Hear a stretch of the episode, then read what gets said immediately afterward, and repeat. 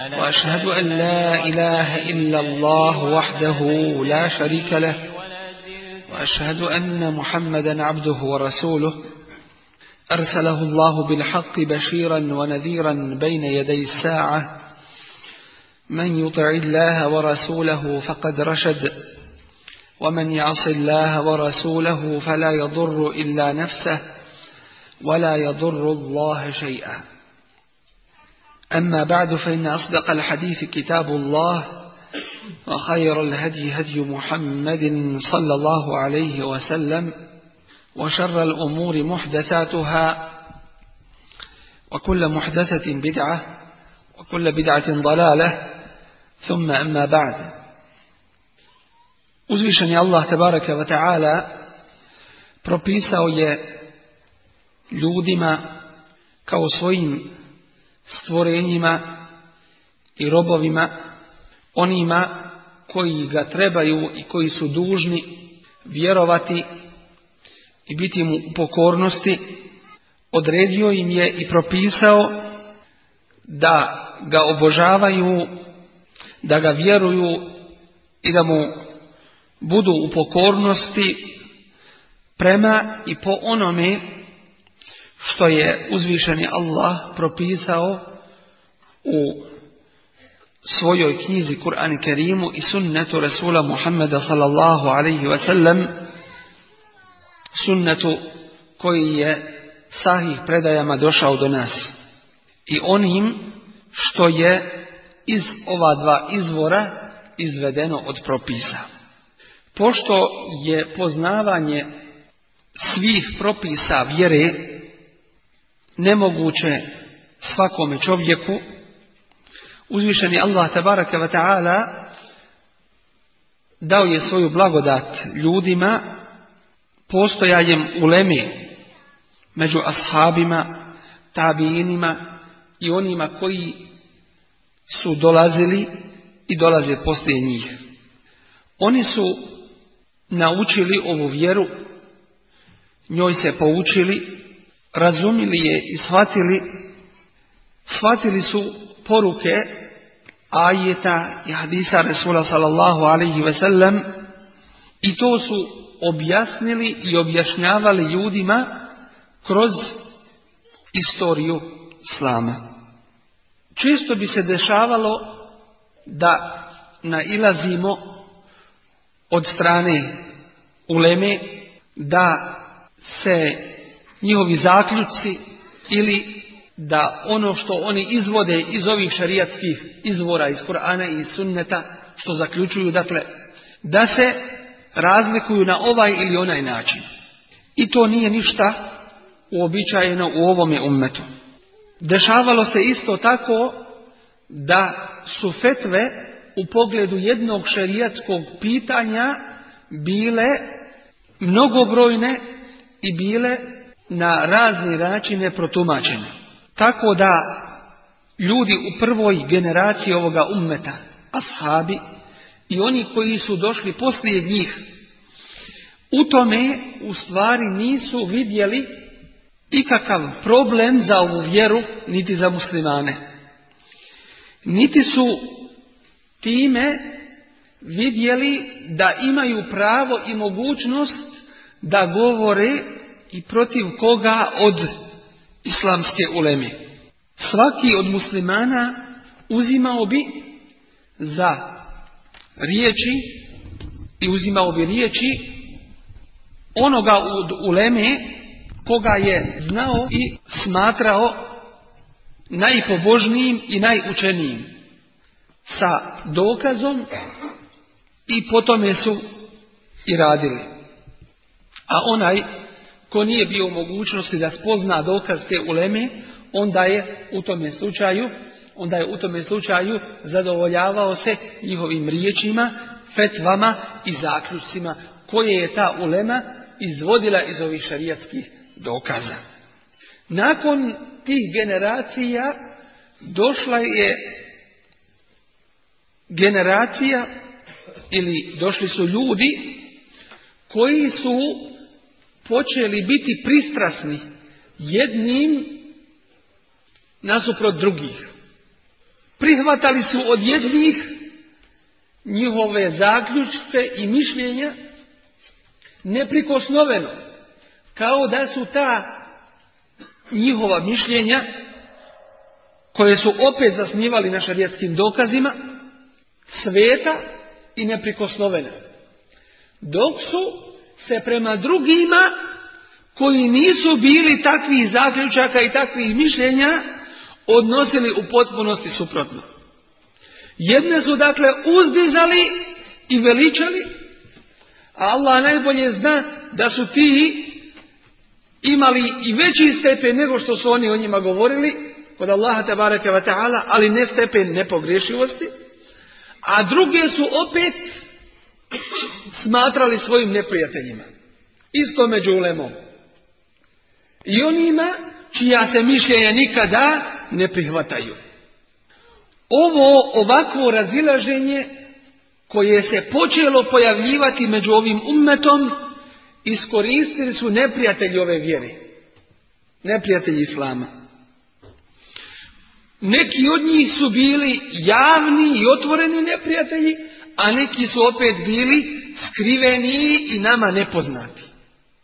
Tako da su to razilaženje među ulemom ili zapravo to, takvo shvatanje među narodom uopšteno počeli da šire među ljudima.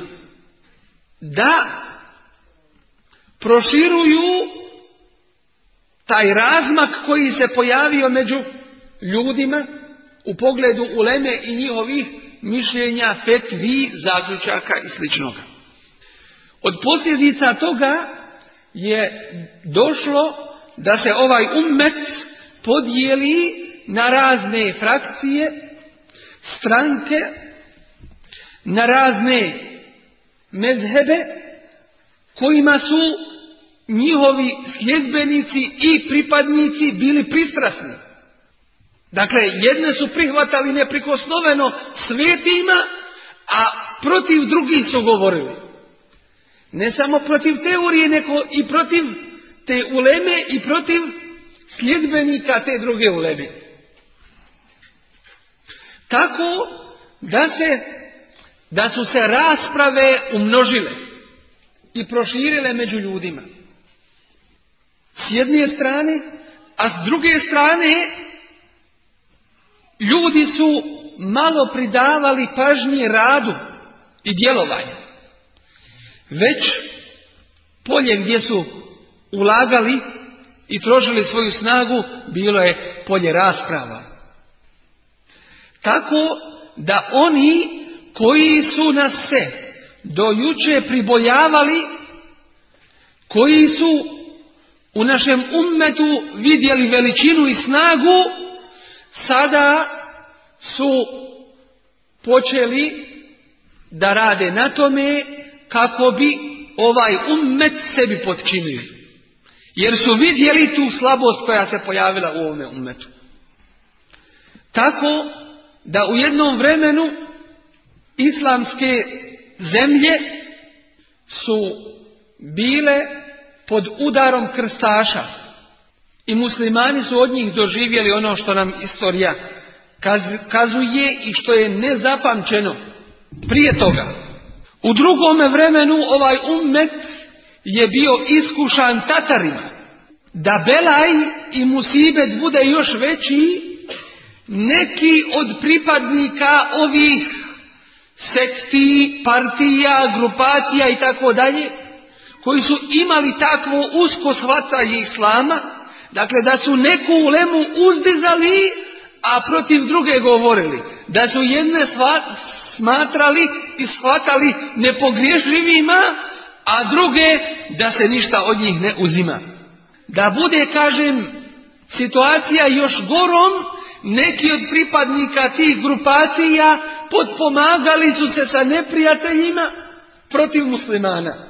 Što vidimo da je i danas ista situacija kod nas da oni koji su upravo govorili o tome da se treba držati čvrsto mezheba, prvo nisu se oni držali toga mezheba onako kako treba, jer mezhebi su u osnovi umjereni i ni jedan od njih ne poziva na slijepu pristrasnost. Vidjeli smo dakle da su uzeli samo mezhebe kao sebi opravdanje i jedan štit, a u slučaju kada su neprijatelji Islama navalili na muslimane, počeli su se potpomagati sa, sa neprijateljima Islama protiv muslimana. Tako da smo ih kroz istoriju vidjeli da su bili teži i gori muslimanima nego sami okupatori i nego sami napadači od otvorenih din dušmana. Jedan broj uleme koji su radili po svome istinskom i izvornom znanju, shvatili su opasnost koja prijeti ovome ummetu od te i takve pojave. Tako da je svako od njih u svom vremenu i mjestu uložio trud da bi objedinio muslimane, da bi ih okupio i vratio ljude na onaj jedan i jedini čisti izvor koji im treba da se ponosi i da se njemu pripisuje svaki musliman, a to je Allahova knjiga i sunnet Resula sallallahu alaihi wasallam. Nije nepoznato da će muslimani ovakvim vraćanjem, vraćanjem izvorima svoje vjere da će im se srca objediniti, da će im se srca približiti jednih drugima. Da će njihova razilaženja nestati i njihova međusobna netrpeljivost i trvenja do čega su upravo ta razilaženja dovela. Da će u stvari takvim izvornim povratkom, izvornim povratkom izvoru naše vjere se umjesto netrpeljivosti naći međusobno potpomaganje, briga jednih za druge, a tada neće neprijatelji ove vjere imati bilo kakve nade da išta naude ovome umetu. Od onih koji su dali svoje veliko i živo učešće u rješavanju ovoga problema u kome se naš umet našao i dan danas se nalazi zato što je potrebno s vremena na vrijeme da se ljudima objasni ovo pitanje i da se ljudima ukaže na taj put koji vodi do jedinstva muslimana od onih koji su dali svoje živo i veliko učešće u objašnjavanju ovoga pitanja, od onih koji su bili oprezni i shvatili o čemu se radi, bio je i šejhul islam Ahmed ibn Tejmije, rahimahullah, koji se pojavio pred kraj sedmog hijđretskog stoljeća. Počeo je da čisti islamsku misao i akidu prije svega od raznih filozofija koje su se uvukle u razum i umove muslimana, a imali su čvrstu vezu sa idolopoklonstvom i sa grčkim filozofijama. Mnoga je dijela napisao u tome cilju tako da je odgovorio na ta neutemeljena shvatanja i neispravne akaide koji su se počeli pojavljivati među, među muslimanima i otkrio je tu spletku koja se pripremala i koja se ostvarivala nad, nad ovim ummetom i nad muslimanima uz znanje koje mu je uzvišen Allah tabaraka wa ta'ala podario, pa je ljudima objašnjavao istinu i svojim riječima, svojim jezikom i svojim pisanjem isto tako je pokazao svoju odlučnost na polju rada i djelovanja. U njegovo vrijeme je bila velika opasnost nadvila se nad ovim ummetom opasnost Tatara, koji su već bili uništili prijestolnicu Hilafeta Bagdad i išli na to da u potpunosti pokore, pokore sve muslimane. Radio je i na tome polju tako da im se i oružjem suprostavio, pa je grad Damask, središte Šama pod njegovim vođstvom Allahovom tebareka ve taala pomoći bio spašen od najezde Tatara a pobjeđeni su Tatari upravo pod vođstvom sinova Šama i vojske Misira koju je upravo pozvao šejhul Islam Ibn tajmije u odlučujućoj bitci koja se zove Ma'areketu Shathab i na taj način je i dijelom pokazao da je ovome ummetu nužno i potrebno uz znanje da postoji i, i rad koji upravo pokazuje ispravnost toga znanja. Od najznačajnijih dijela koja je napisao na tu temu jeste ovo dijelo o kome, inša Allah, imamo namjeru da u narednim našim kazivanjima govorim. Ovo djelo se zove Ref'ul melam an el eimmetil a'lam. A to je dizanje prijekora sa imama ili najpoznatijih predvodnika ovoga ummeta.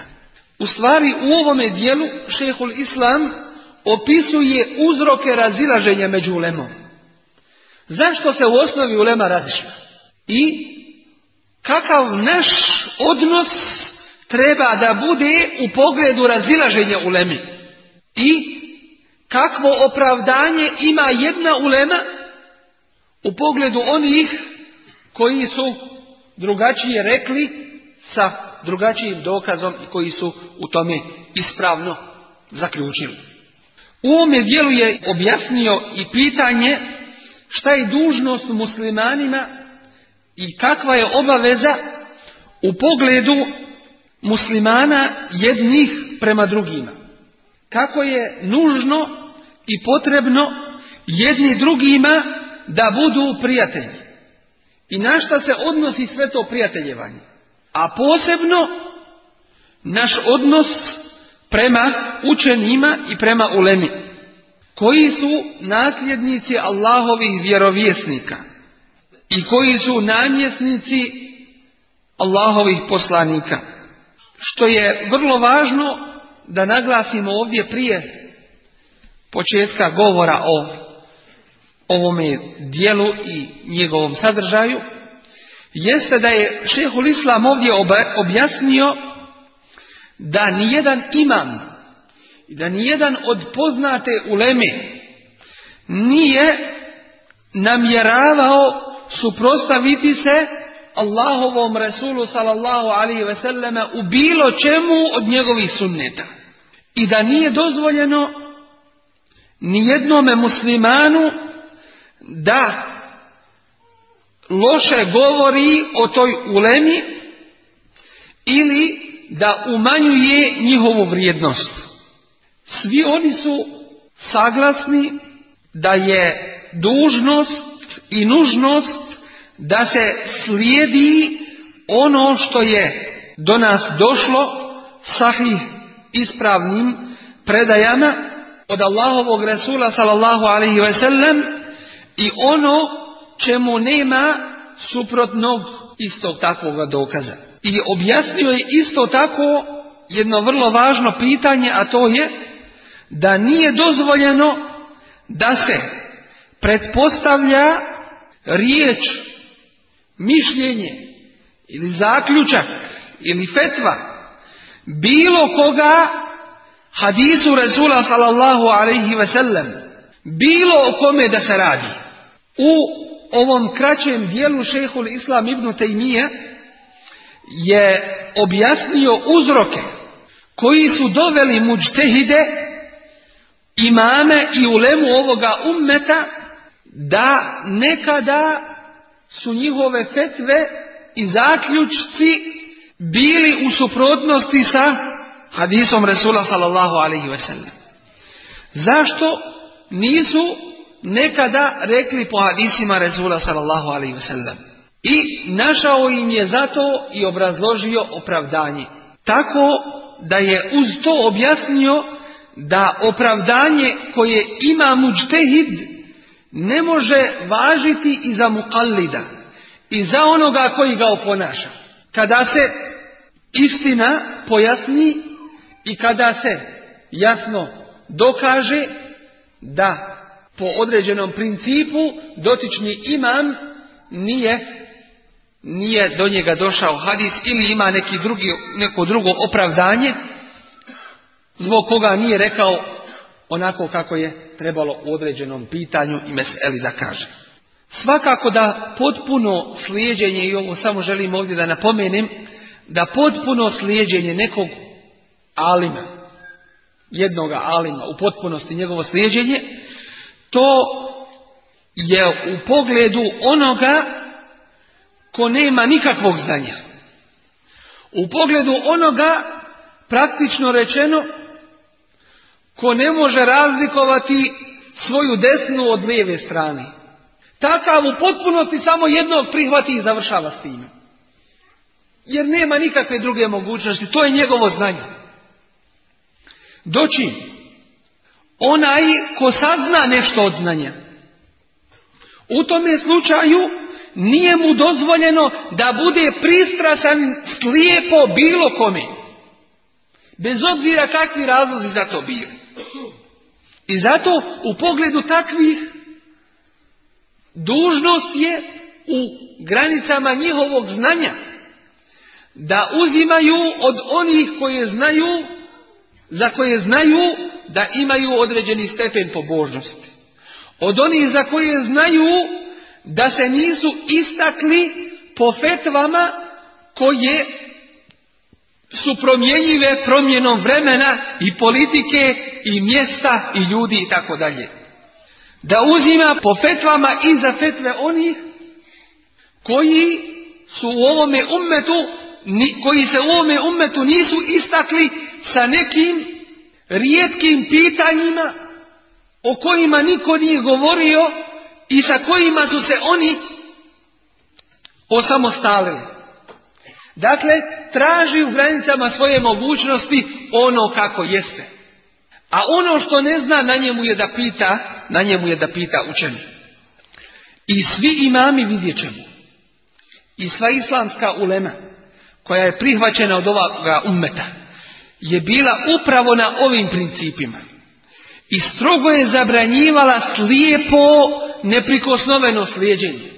A među prvima koji su to istakli, zato što je, što, što je vidio da su ljudi počeli slijepo da slijede, bio je imam Ebu Hanifa rahimahullah. Tako da je postavio uslov njegovog slijedjenja da se poznaje dokaz po kome je on nešto rekao. Dakle, da bi izbjegao mogućnost lijepoga sliježenja. Dodatno tome, nije dozvoljavao da se njegove fetve zapisuju. Dodatno tome, rekao je da kada god hadis koji je sahih ispravno prenesen, bude u suprotnosti sa njegovim zaključkom ili fetvom, da prihvatimo za hadis, a odbacimo i njegovo i bilo čije drugo mišljenje ili zaključak. I upravo zbog toga su bili i jesu i ostaju imamima ovoga ummeta. Zato što nisu ovaj ummet pozivali u svoje slijeđu, slijepo i neprikosnoveno slijedženje. Jer nikome nije dozvoljeno nekoga slijepo slijediti nekoga neprikosnoveno slijediti mimo uzvišenog Allaha te bareke ve taala njegove pokornosti i pokornosti Rasulu sallallahu alejhi ve sellem.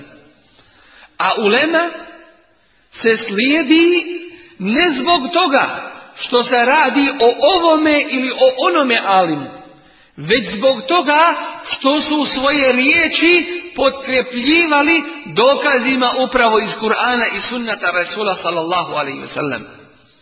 I ovo je jedno vrlo važno pitanje koje trebamo svi da shvatimo. A to je pitanje uzroka koji su doveli do razilaženja u leme. Kada to shvatimo, mnogi će nam kasnije stvari jasnijim biti i lakšim da ih shvatimo u osnovi. فصار قرين الهم طول نهاره أقص الصهد والنجوى إذا الليل أظلاما يقول حبيبي أنت سلي وبغياتي كفى صلى اللهم تبارك وتعالى pomoći počećemo sa tumačenjem ove risale ovoga kraćeg djela u kojem šehol Islam ibn Taymiye rahmetullahi alaihi, objašnjava ovo pitanje. Ja ću uz kraći komentar govoriti prijevod odmah direktno kako bismo vrijeme uštedili Allah. Hvala Allahu na njegovim blagodatima i svjedočim da ne ima drugog istinskog Boga osim Allaha jednog jedinog koji ne ima druga ni na zemlji ni na nebu. I svjedočim da je Mohamed njegov rob i njegov poslanik i pečat njegovih vjerovjesnika. Neka je na njega Allahov salavat i na njegovu porodicu i ashabe stalni salavat do kijametskog dana i veliki spas.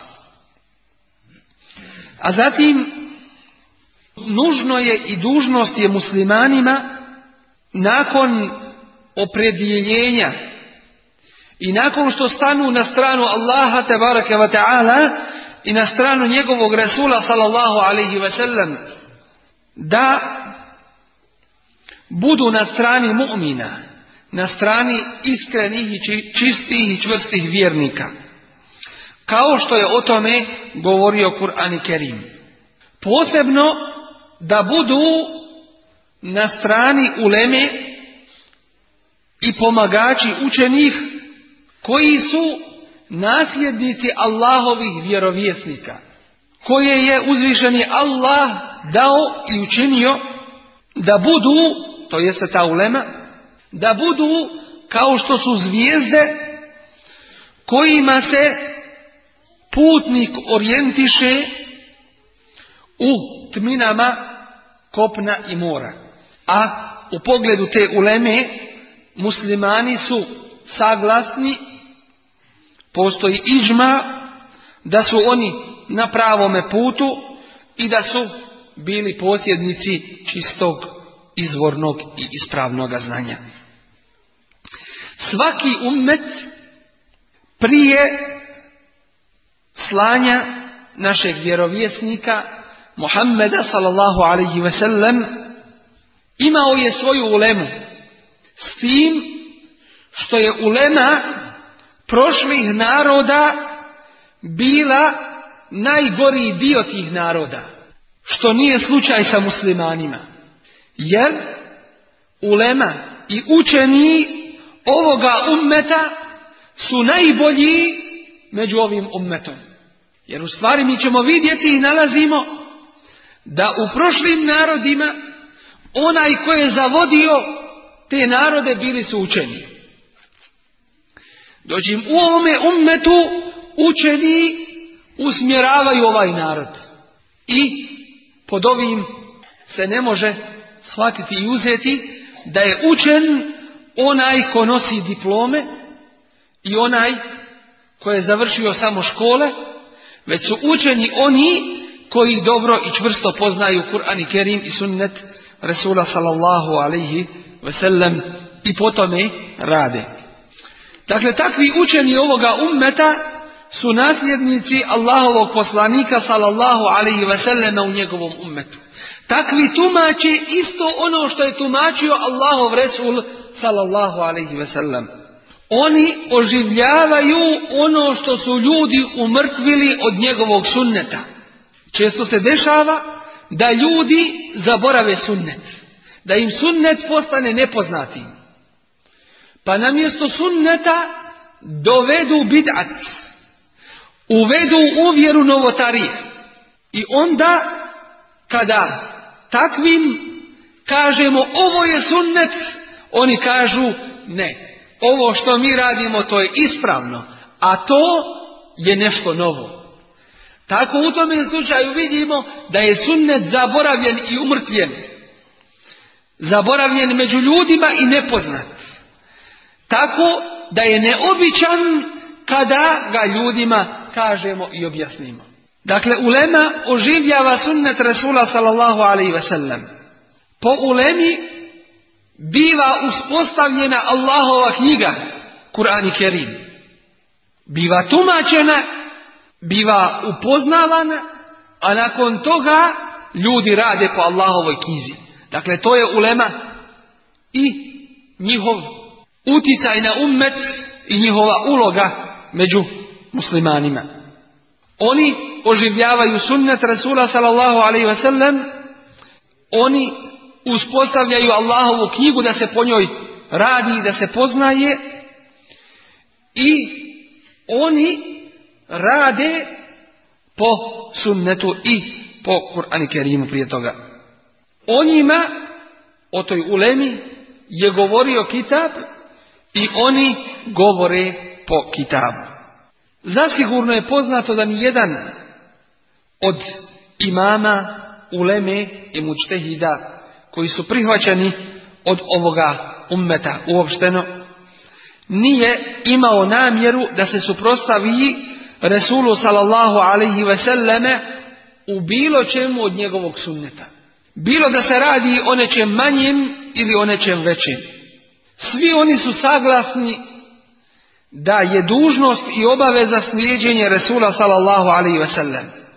I svi su oni isto tako saglasni da od svakog od ljudi je moguće da se prihvati, a isto tako je moguće da se odbaci njegov govor. Dakle, nisu sveti, nisu neprikosnoveni. Osim što govor Resula sallallahu alaihi ve sellem ne podnosi da bude odbačen i da se po njemu ne radi i da se ne prihvata. Kada nađemo kod nekog od poznatih imama i uleme neke riječi koje su u suprotnosti sa sahih hadisom Resula sallallahu alaihi sellem. U tome slučaju nužno je da mu nađemo opravdanje u pogledu njegovog neprihvatanja toga hadisa. Ta opravdanje se dijele na tri skupine. Prva skupina jeste da određeni alim i imam nije bio upoznat ili nije smatrao da je to hadis Resula sallallahu alaihi ve sellem. Da dotični hadis do njega nije došao. Drugo, ako je došao taj hadis do toga alima, on ne smatra i ne shvata da se tim hadisom želi reći to što je drugi alim shvatio. I treće, ubjeđenje ili shvatanje toga alima da je dotični hadis ili njegov hukum da je mensuh, da je derogiran i da se više po njemu ne radi. O ovome svakome pitanju, inša Allah, podrobno će se sada progovoriti. Kao prvo, od uzroka zašto određeni alim nije radio po određenom hadisu, već je drugačije ili suprotno njemu rekao, ili od glavnih uzroka jeste da hadis dotični od Resulullah sallallahu alaihi sellem nije došao do toga alima. Nije došao do toga imama. Nije ga čuo uopšte. A poznato pravilo u solifiku glasi da onaj do koga nije došao hadis nije ni zadužen, niti je obavezan da radi po njemu. Upravo zbog toga što nije ni saznao za taj dotični hadis. Nekada se dešava, dakle, da dotični hadis nije došao do određenog alima i u nedostatku dokaza iz hadisa Koristio je opšte dokaze iz Kur'ana, opšti neki dokaz, ajet koji ukazuje na opšti princip, ili upotrebljavao je hadis koji govori o toj temi, ali uopšteno, ili je koristio kijas, a to je analogija, dakle o tome pitanju nema nikakvog dokaza, ali traži sličan dokaz u drugom nekom šarijetskom pitanju i Ili po drugim principima usuli fika kao što je isti san i tako dalje. Njegove riječi, riječi dotičnog alima i imama, nekada bi bile u skladu sa dotičnim hadisom, a nekada bi bile u suprotnosti sa dotičnim hadisom. Ovaj uzrok se pojavljuje u većini slučajeva gdje nalazimo riječi i zaključke uleme i imama da su u suprotnosti sa hadisima. Upravo zbog toga što znanje ili obuhvatanje svih hadisa Resula sallallahu alaihi ve nije moguće nikome od ovoga umeta. Dakle, niko od ovoga ummeta nije u mogućnosti da sazna sve hadise Resula sallallahu alaihi sallam. Sve šta je on u svome životu radio, sve šta je on u svome životu govorio i sve šta je on u svome životu odobrio šutnjom. To je nemoguće da jedan čovjek sazna sve i sve da obuhvati svojim znanjem. Upravo zbog toga što je Resulullah sallallahu alaihi govorio ili da izdavao fetve ili presuđivao ili radio nešto ili govorio pa su ga neki ashabi čuli ili vidjeli dakle oni koji su bili uz njega koji su bili tu prisutni pa su oni obavještavali druge ashabe one do kojih su dolazili tako da su neki ashabi znali o tome a dešavalo se da drugi to nisu poznavali. Zatim na drugome mjestu Resulullah sellem isto tako nešto kaže ili fetvu izda ili negdje presudi ili nešto učini, a drugi budu prisutni od onih koji nisu prvi put bili prisutni na prvome, na prvome dersu i na prvome kazivanju. Tako da su ovi drugi prenijeli ashabima, nekim ashabima, ashabi nekim tabinima i tako dalje. Tako da imamo među ulemom onih koji su čuli jedno, a nisu čuli drugo. A imamo i one koji su čuli drugo, a nisu čuli ono, ono prvo. Kako je bilo to među ashabima, bilo je i među onima, pogotovo koji su dolazili po, poslije njih. I ulema i ljudi su se razlikovali po svome znanju. Kao i po, po količini svoga znanja, kao i po kvalitetu i čvrstoći toga znanja koje su posjedovali. A što se tiče jednoga da i njegove mogućnosti da obuhvati sve hadise Resula sallam, sve njegove riječi i postupke, to je nemoguće i to niko nije u stanju da sebi pripiše. Kako među ashabima, tako i među onima koji su dolazili poslije njih pogotovo. U pogledu toga navešćemo primjere Hulefa i Rašidina, koji su bili najučeniji među ashabima u pogledu Resula sallallahu alaihi sallam i njegovog sunneta. I svih njegovih stanja.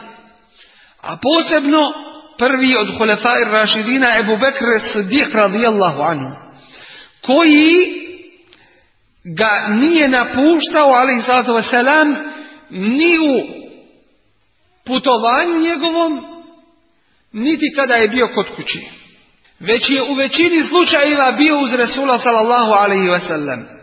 Tako da bi znao sa njim sjediti po noći u ili o pitanjima muslimana i u pogledu pitanja i problema kome u kojima su se našli muslimani.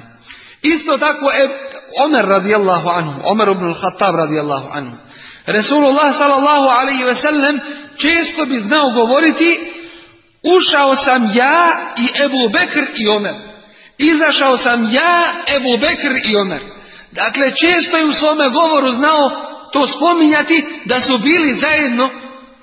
Pa ćemo sada navesti primjere kod Hulefa i Rašidina da je bilo pitanje šerijatskih koja su njima bila nepoznata. A kako je sa onima koji kasnije dođu? Uz to, dakle uz to stalno druženje sa Allahovim Rasulom s.a.v. Ebu Bekr radijallahu anhu, nakon što je pitan o mirasu, o nasljedstvu nane. Da li nana nasljeđuje ili nena? Kako je ispravnije? Jedno i drugo. Nema smetnje, jer u arapskom jeziku isto tako imate džedde i džudde i džidde. Sve ispravno. Kada je upitan Ebu Bekr radijallahu anhu o nasljedstvu nane, šta njoj pripada? On kaže, ma leki fi kitabillahi min šeji. Tebi po Allahovoj knjizi ništa ne pripada. Kome wa ma alimtu leki fi sunneti Rasulillahi sallam min šeji. A ne znam ništa u sunnetu Rasula sallam da tebi pripada. Tako je rekao Ebu Bekr radijallahu anhu, kao halifa muslimana. Walakin es'elun nas. Ali pitaću ljude. Pitaću ljude. Fese'elahu. Pa je upitao ljude. Raspitao se koga je pitao? Opet ashaba Resula sallallahu sallam. Pa je ustao Mugira ibn Šu'be i Muhammed ibn Mesleme radijallahu anhuma a taj sunnet je poznavao i Umran ibn Husayn. Pa su posvjedočili da je Allahov vjerovjesnik sallallahu alaihi ve sellem dao nani šestinu. Dakle, to je sunnet Resula sallallahu alaihi ve sellem u pogledu nani i njenog nasljeđivanja i njenog nasljeđa, dakle onoga što ona nasljeđuje, da njoj pripada jedna šestina. Ebu Bekr radijallahu anhu, pored toga što je stalno bio uz Resula sallam, desilo se da mu je bilo nepoznat, da mu je bio nepoznat taj son. Drugim riječima, ne može niko danas doći i reći ja sve poznajem, ja sve znam. Ili, ako kažemo da hadis Resula sallam koji je sahih, je u suprotnosti sa riječima nekog od alima, sa riječima nekog od uleme, da nam neko kaže jesam ti učeniji od njega. To nije pitanje ko je učeniji.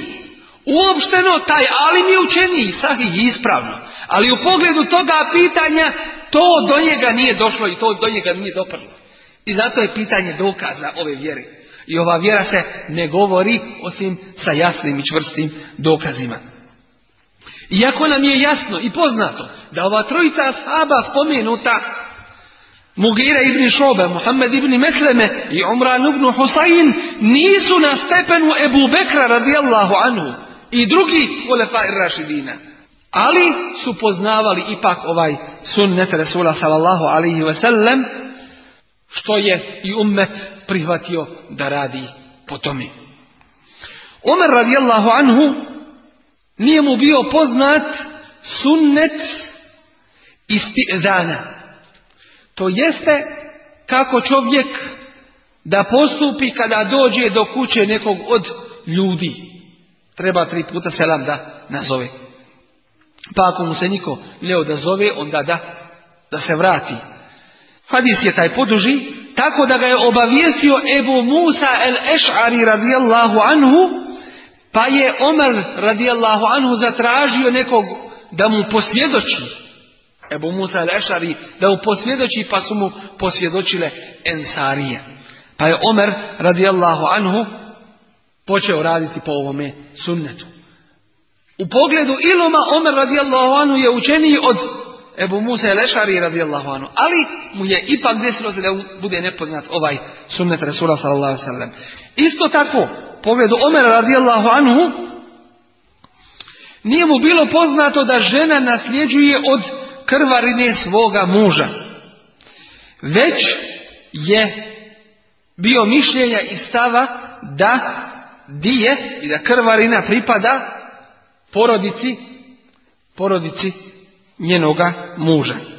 Tako da mu je napisao Abdahak ibn Sufjan El Kulabi radijallahu anhu, a bio je namjesnik Allahovog Rasula sallallahu alaihi ve sellem u nekim pustinskim mjestima i obavijestio ga je da je Resulullah sallallahu alaihi selleme dao da naslijedi žena Ešjem ad dibabija radijallahu anhu od krvarine svoga od krvarine svoga muža.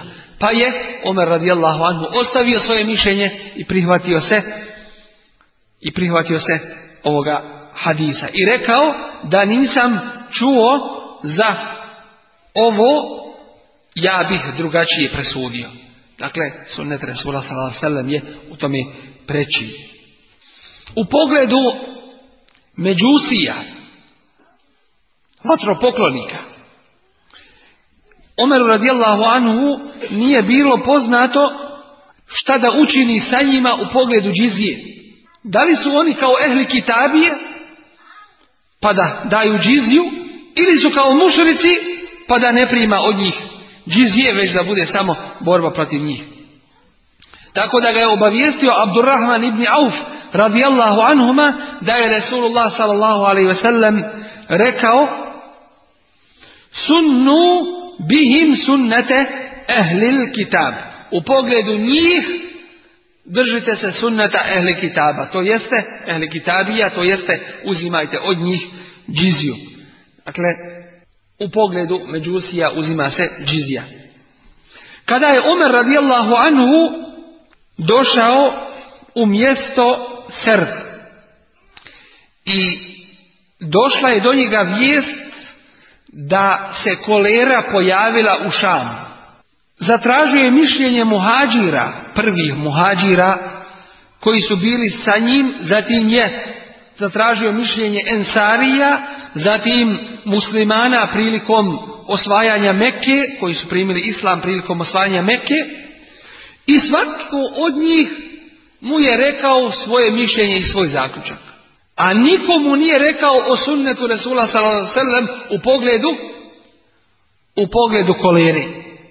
Dok nije došao Abdurrahman ibn Auf pa ga je obavijestio o sunnetu Resula sallallahu alaihi veseleme u pogledu kolere i rekao kada se iza waqa'a bi ardin wa entum biha fela tahruđu firaran min kada se desi u zemlju kojoj ste vi nemojte iz nje izlaziti bježeći od njega bježeći od te bolesti od koleri wa idha sami'tum bihi bi fela tuqdimu ali A kada čujete da je u nekoj zemlji, nemojte tamo ići. Hadis prenosi Buhari i Muslim. Dakle, u pogledu ovoga, sunnet Omeru radijallahu anhu je bio nepoznat.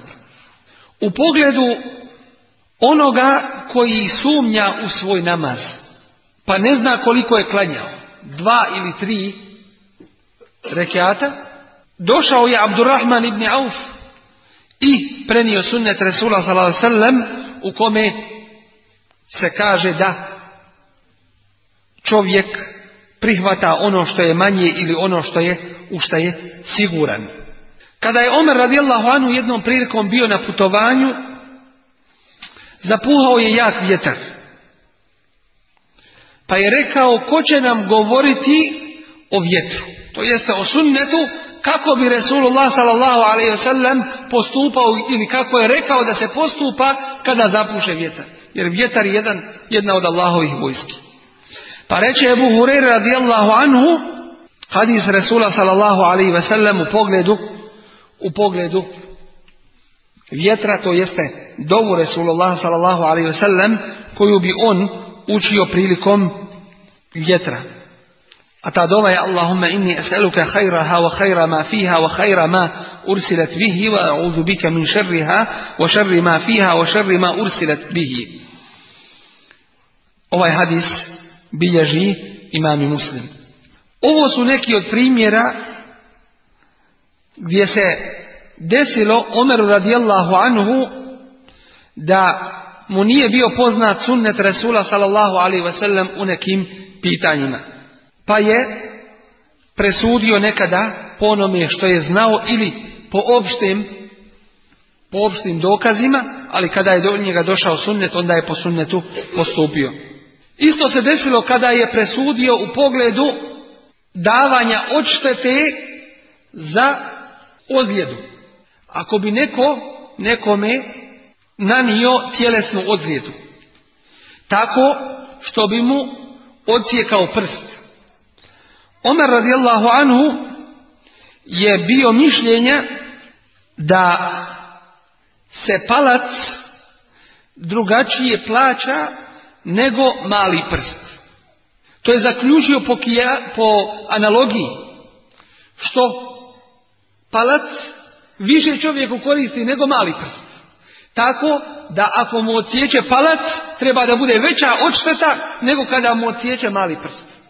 Ali Ebu Hureyre radijallahu, Ebu Musa lešari i Ibn Abbas radijallahu anhuma, iako nisu bili na tome stepenu znanja kao što je Omer radijallahu anhu, ipak su ga obavijestili o tome sunnetu Resula sallallahu alaihi ve sellem gdje kaže Resulullah sallallahu alaihi ve sellem Ova dva prsa su ista pokazujući na palac i na mali prst. Hadis bilježi Buharija, Ebu Davud, Nesai, Ibni Mađe od Ibni Abbasa radijallahu anhuma. Dakle, u ovome slučaju, pošto sunnet nije došao do Omera radijallahu anhu, postupio je po analogiji, postupio je po svome zaključku i tako dalje. I to u pogledu Omera radijallahu anhu nije bio nikakav nedostatak, nikakva mahana ili bilo kakva sramota, već je postupio po sunnetu Rasula s.a.v. kada je do njega došao. Kada je ovaj sunnet došao do Moavi radijallahu anhu u vrijeme njegove vladavine, on je po ovome sunnetu postupio i primijenio ga je. Omer radijallahu anhu je bio mišljenja da muhrim ne smije prije oblačenja i hrama da se namiriši. Kao što se ne smije namirisati prije tavaful i fada. Prije glavnog hađskog tavafa. Nakon što baci kamenčiće na džemretima. Na džemretul akabi. Toga mišljenja je bio kako on, tako i njegov sin Abdullah ibn Omer radijallahu anhuma, iako Abdullah ibn Omer radijallahu anhuma je bio poznat po slijeđenju, po slijeđenju sunnata Rasula sallallahu alaihi wasallam. Ali do njih sunnet u pogledu toga nije došao. Sunnet koga bilježi i koga spominje Aisha radijallahu anha, a bilježi ovaj hadis imami Buhari i Muslim u kome kaže sallallahu alayhi wa sallam li ihramihi qabla an yuhrim, أن li ولحله قبل أن يطوف mirisala sam wa poslanika sallallahu alihi wasallam za njegov ihram prije nego što postane muhrim. I mirisala sam ga za njegovo skidanje i hrama prije nego što tava učini oko Bejtullaha. Dakle, sunnet Resula sallallahu alaihi wasallam tome je poznat. Za razliku od toga što je zabranjeno muhrimu kada već obuče i hrame i zanijeti zanijeti i hram i uđe u taj propis, onda se ne smije više mirisati. A ako ostane mirisa od prije, to nema smetnje, zato što hadis Resula s.a.v. u Buhari i Muslimu jasno na ovo ukazuje. Isto tako u jednom vremenu Omer radijallahu anhu je bio mišljenja da onaj ko obuče mestve ili neku obuću, neku vrstu obuće, e, da je u mogućnosti da mest čini sve dok ne skine tu obuću.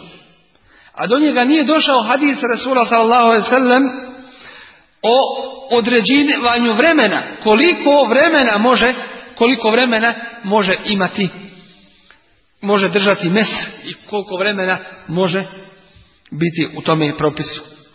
A svakako da propis toga je naveden sahih predajama od Allahovog Rasula sallam da je za onoga koji je kod kuće vremenski period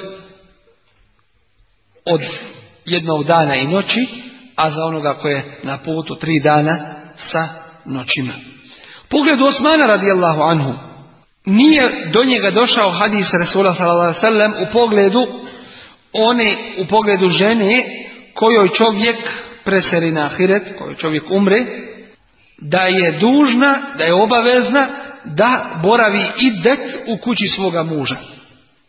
Dok nije čuo hadis Fureji binti Malika, kćerke Malikove, sestre Ebu Sa'ida el-Hudrije radijallahu anuhuma, u pogledu njenog slučaja kada ju je muž preselio. I da ju je Resulullah sallallahu alaihi wasallam rekao Umkusi fi bejtiki hatta jeblogal kitabu eđelehu. Ostani u svojoj kući dok ne dočekaš svoj određeni rok. Dakle, svoj idet dok ne, dok ti ne istekne u kući svoga muža.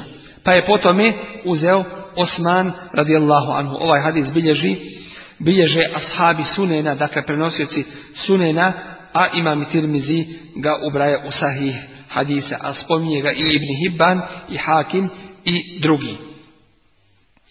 Jednom prilikom je poklonjeno Osmanu radijallahu anhu lov, meso koje je ulovljeno za njega, pa je htio da ga jedi dok ga nije obavijestio Alija radijallahu anhu da je Boži poslanik sallallahu alaihi sellem odbio da jede meso koje je za njega pribavljeno lovom.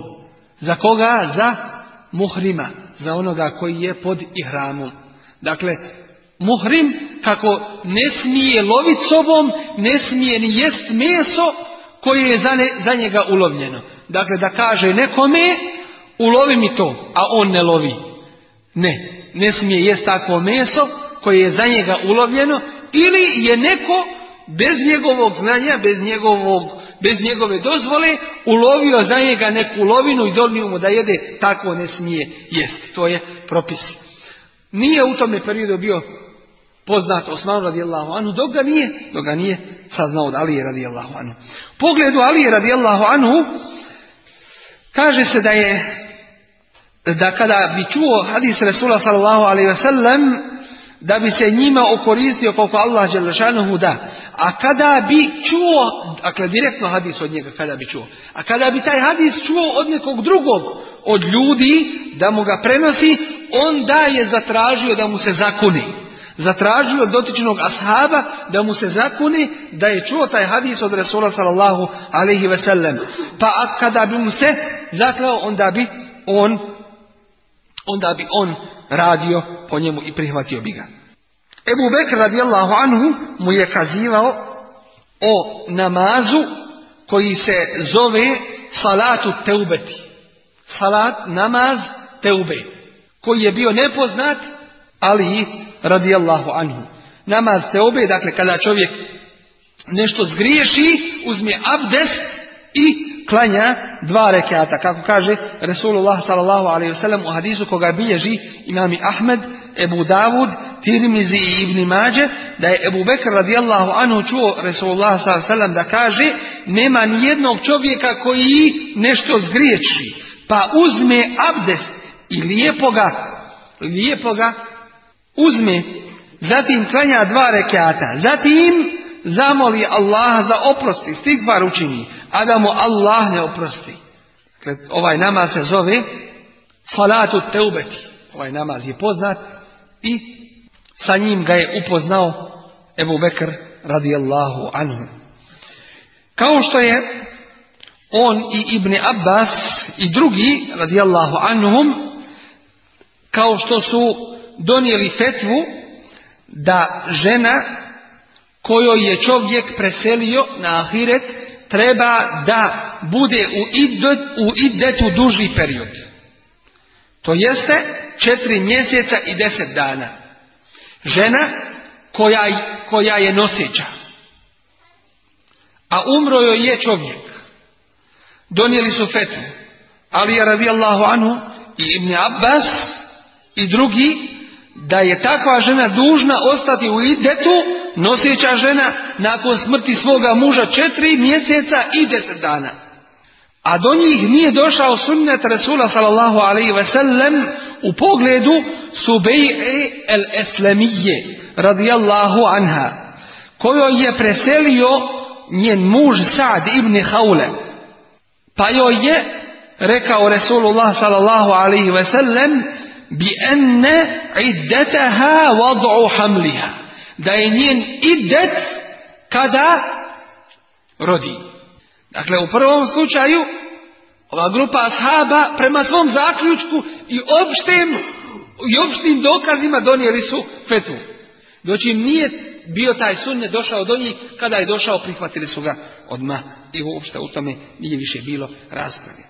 Isto tako Ali radijallahu anhu i Zeid i Ibni Omer i drugi radijallahu anhum donijeli su fetvu da mufewada.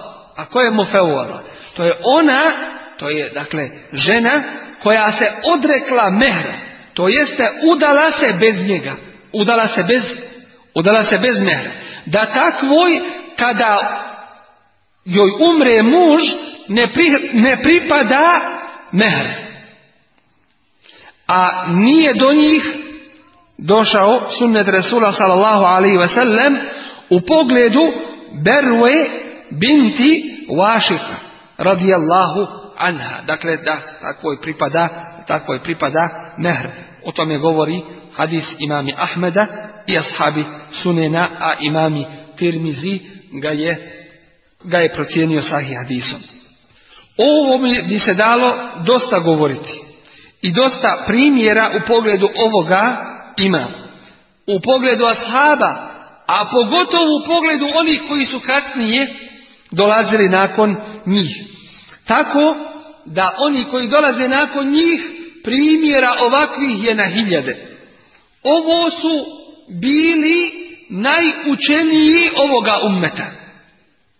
Oni koji su najbolje fik poznavali, oni koji su bili najbogobojazniji i oni koji su bili najodabraniji među ovim, a oni koji dolaze nakon njih nisu ni približni njima i manje su vrijednosti od njih, to jeste od ashaba Resula sallallahu sallam. Tako da oni koji dolaze nakon ashaba, kada se to dešavalo ashabima, da ponekada nisu poznavali sunnet Rasula ali i u pogledu nekih pitanja, onda je to još prirodnije i shvatljivije da se dešavalo onima koji su dolazili poslije, poslije njih. Onaj ko je ubjeđenja, onaj ko misli i, i smatra da je svaki došao do svakog od imama i od uleme, taj griješi velikom jednom greškom. I nema niko pravo da kaže da su hadisi bili sakupljeni i da su bili napisani pa je nemoguće da ih imami ne poznaju u vrijeme tih imama. A situacija je da su suneni, to jeste zbirke hadisa Resula sallallahu alaihi sakupljene nakon života imama koji su slijeđeni u nama danas poznatim mezhebima. Dakle, ove zbirke današnje sunena i druge zbirke hadisa Resula sallallahu sallam sakupljene su nakon nakon pojave ovih imama. A uz to nije ispravno da se svi hadisi svedu na ove postojeće, na ove postojeće zbirke hadisa Rasula sallallahu sallam. A i kada bi sve bilo u tim knjigama od hadisa Rasula sallallahu sallam, nije opet u mogućnosti svakome od uleme i svi, svoj ulemi da poznaju sve šta je u tim zbirkama i da u svakom trenutku se toga prisjećaju. Jer oni koji su bili prije ovih zbirki koje su napisane, oni su u stvari bili učeniji u pogledu sunneta Resula sallallahu pa im se dešavalo da neki od sunneta im promakne i da im bude nepoznat. A kamoli onima koji se oslanjaju samo na, samo na pisanje. U pogledu zbirki sunneta, sunena ovih od Resula sallallahu alaihi sallam Nekada se dešava da do određenog imama dođe neki hadis. Ali on, taj hadis, kod njega nije sahih. Ili nije došao predajom koja je ispravna. Ili im je došao od osobe koja je nepoznata njima. Tako da su znali za hadis, ali on nije bio toga stepena kako bi mogli raditi po njemu i kako bi mogli po njemu suditi i fetve, i fetve izdavati. Ili im je došao hadis s senedom lancem prenosilaca koji je prekinut negdje. Ili nije nikako do njih došao taj hadis. Tako da su mnogi uzroci zašto se desilo kod uleme da ne poznaju određene sunnete ili da su im neki hadisi bili nepoznati hadisi Resula sallallahu sallam. Nema niko pravo da kaže Onaj ko ne poznaje sve hadise, on ne može biti mučtehid. To nema niko pravo da kaže. Zašto?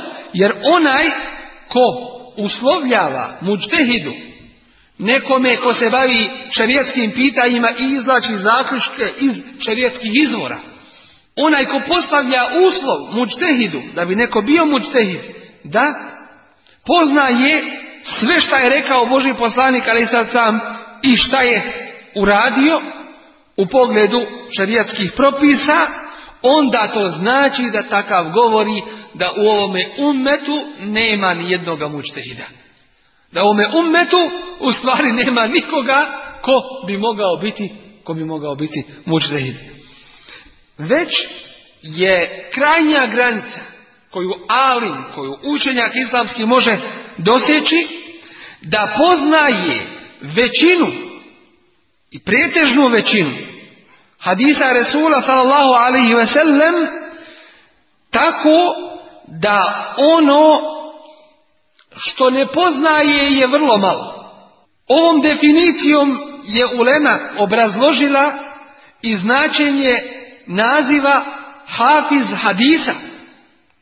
Neki su uslovljavali i govorili Hafiz Hadisa je onaj koji poznaje sto hiljada hadisa.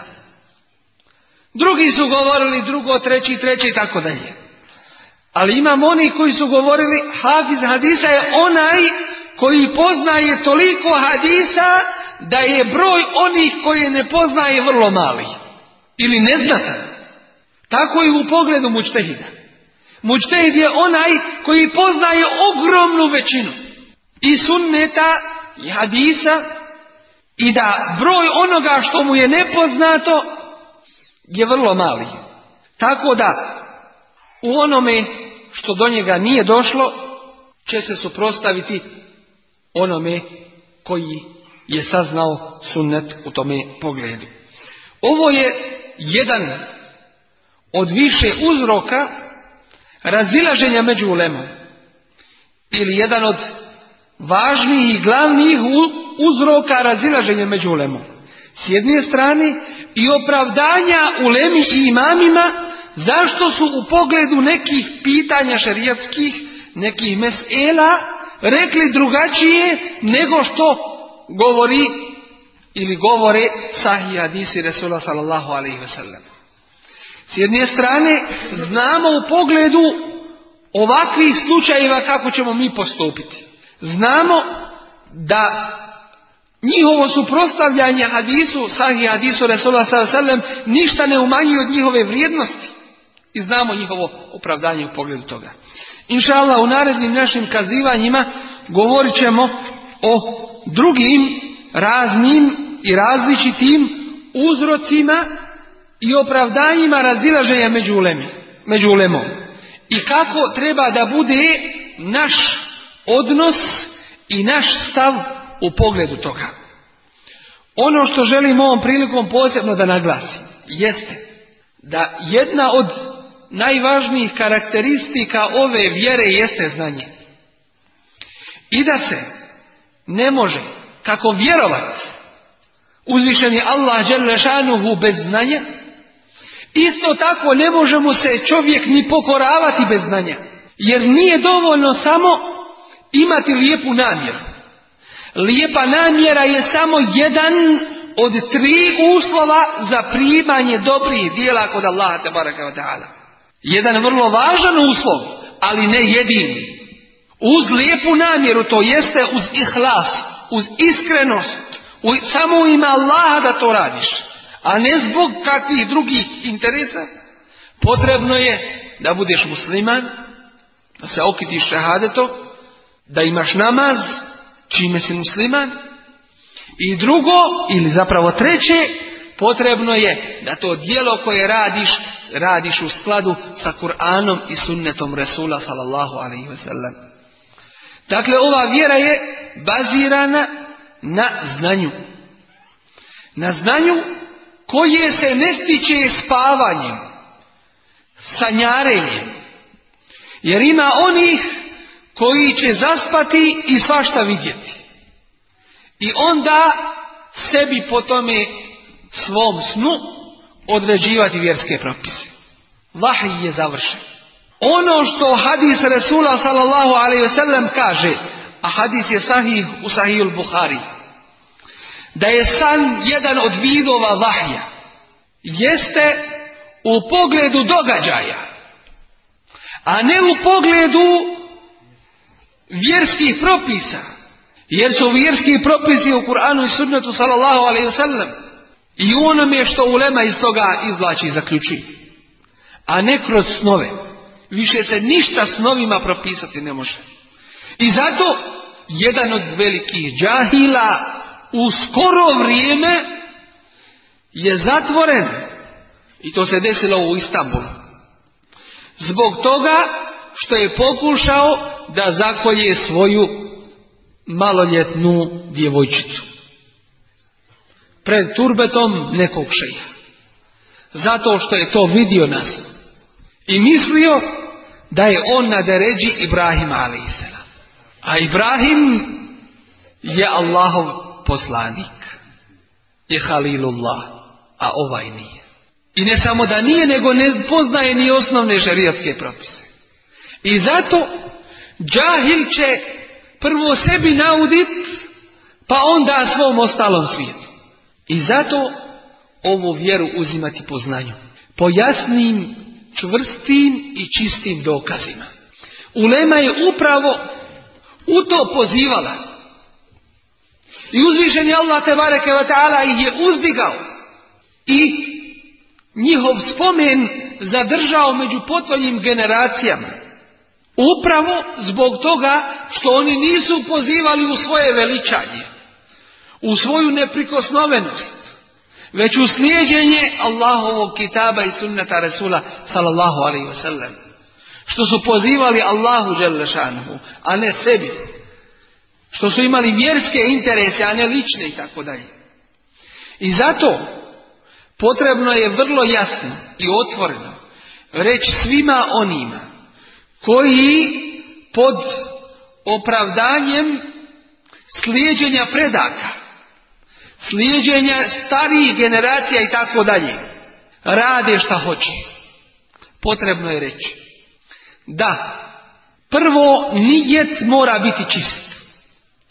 Da čovjek ne radi dotično dijelo zato što je neko od njegovih predaka to radio već zato što bi to bio sunnet Resula sallallahu alaihi Što je u tome pokornost uzvišenom Allahu te barake Jer ako dotično dijelo radi zato što je tvoj predak to činio, znači neka te on nagradi. Zato što si to u ime njega radio. I zato što si to radio ponoseći se njim. Ne. Nema smetnje da kažeš elhamdulillah i moji su tako bili na tome. Ali ne da radiš po propisu tome zato što je tvoj predak to radio. I drugo pitanje jeste da svi i mi i naši preci i cijelo čovječanstvo podliježe ovome šarijatu. Podliježe propisima ove vjere. I niko iz toga ne izlazi. Kako Allaho poslanik, tako i svako ostali. I niko propisa ovih ne može biti oslobođen. I zato velika je zabluda onih koji su navedeni na to da kažu ova vjera se dijeli na šarijat s jedne strane i na hakikat s druge strane. Što znači kada dobiješ hakikat nije ti više potreban šarijat. Oslobođen si i namaza i posta i zakjata i nema više nad tobom nikakve kontrole i nikakvih propisa. To je odvođenje od Allahove vjere. To je uvođenje u Allahovu vjeru što ne postoji. I sa tim nije došao Allahov Resul sallallahu sallam. Šta to ima suprotno šarijatu? I drugačije, kada postigneš to, da ostaviš ovo. Ne. Upravo šarijatom ti se približavaš Allahu Đelešanu. Jer je prvo la ilaha illallah da priznaješ Allaha za svoga gospodara. A drugo Muhammedu Rasulullah. Da slijediš Rasula sallallahu alaihi ve sellem i na taj način Allahu da se približavaš. Kul in kuntum tuhibbun Allahe fettebi'uni. Reci im Allahu poslaniće in kuntum tuhibbun Allah. Ako vi volite Allaha fettebi'uni. Mene slijedite. Znači Udovoljit ćete Allahu i njemu se približiti slijedjenjem Resula sallallahu alaihi sallam. A ova ulema, imami mezheba, mučtehidi i tako dalje, kroz istoriju Islama, nisu sebe postavili takvima da se njihov govor uzima mimo sunneta Resula sallallahu sallam, nikom slučaju. Već su govorili u skladu sa onim što je do njih došlo od sunneta. A u onim pitanjima koja nisu došla do njih, to ulema objašnjava i to ulema jasno razdvaja i u tome nema nikakve sumnje. I zato ovaj ummet treba da bude jedinstven. U svakome pogledu.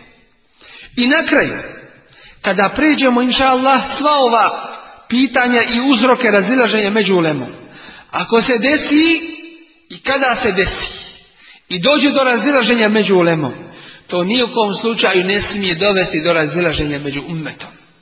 Jer to je ono razilaženje koje je dozvoljeno. Koje ne izlazi iz okvira dozvoljeno. Koje ne nasljeđuje netrpeljivost. Koje ne nasljeđuje odbacivanje jednih ili drugih muslimana. Već je to razilaženja opet u skladu sa šarijatskim dokazima i šarijatskim propisima. Molim uzvišnog Allah tabaraka ta'ala da nam pomogne u shvatanju ovih i svih drugih pitanja koja su od koristi nama u našoj vjeri, našem radu i djelovanju i molimo ga uzvišenog tabaraka wa ta'ala da ovaj naš ummet pomogne protiv njenih neprijatelja da nas učvrsti i ojača na putu sratu mustakima i da nas učini od svojih pokornih robova. Subhanak Allahumma bihamdika, šadu la ilaha illa anta, stavfaruka wa atubu ilaih.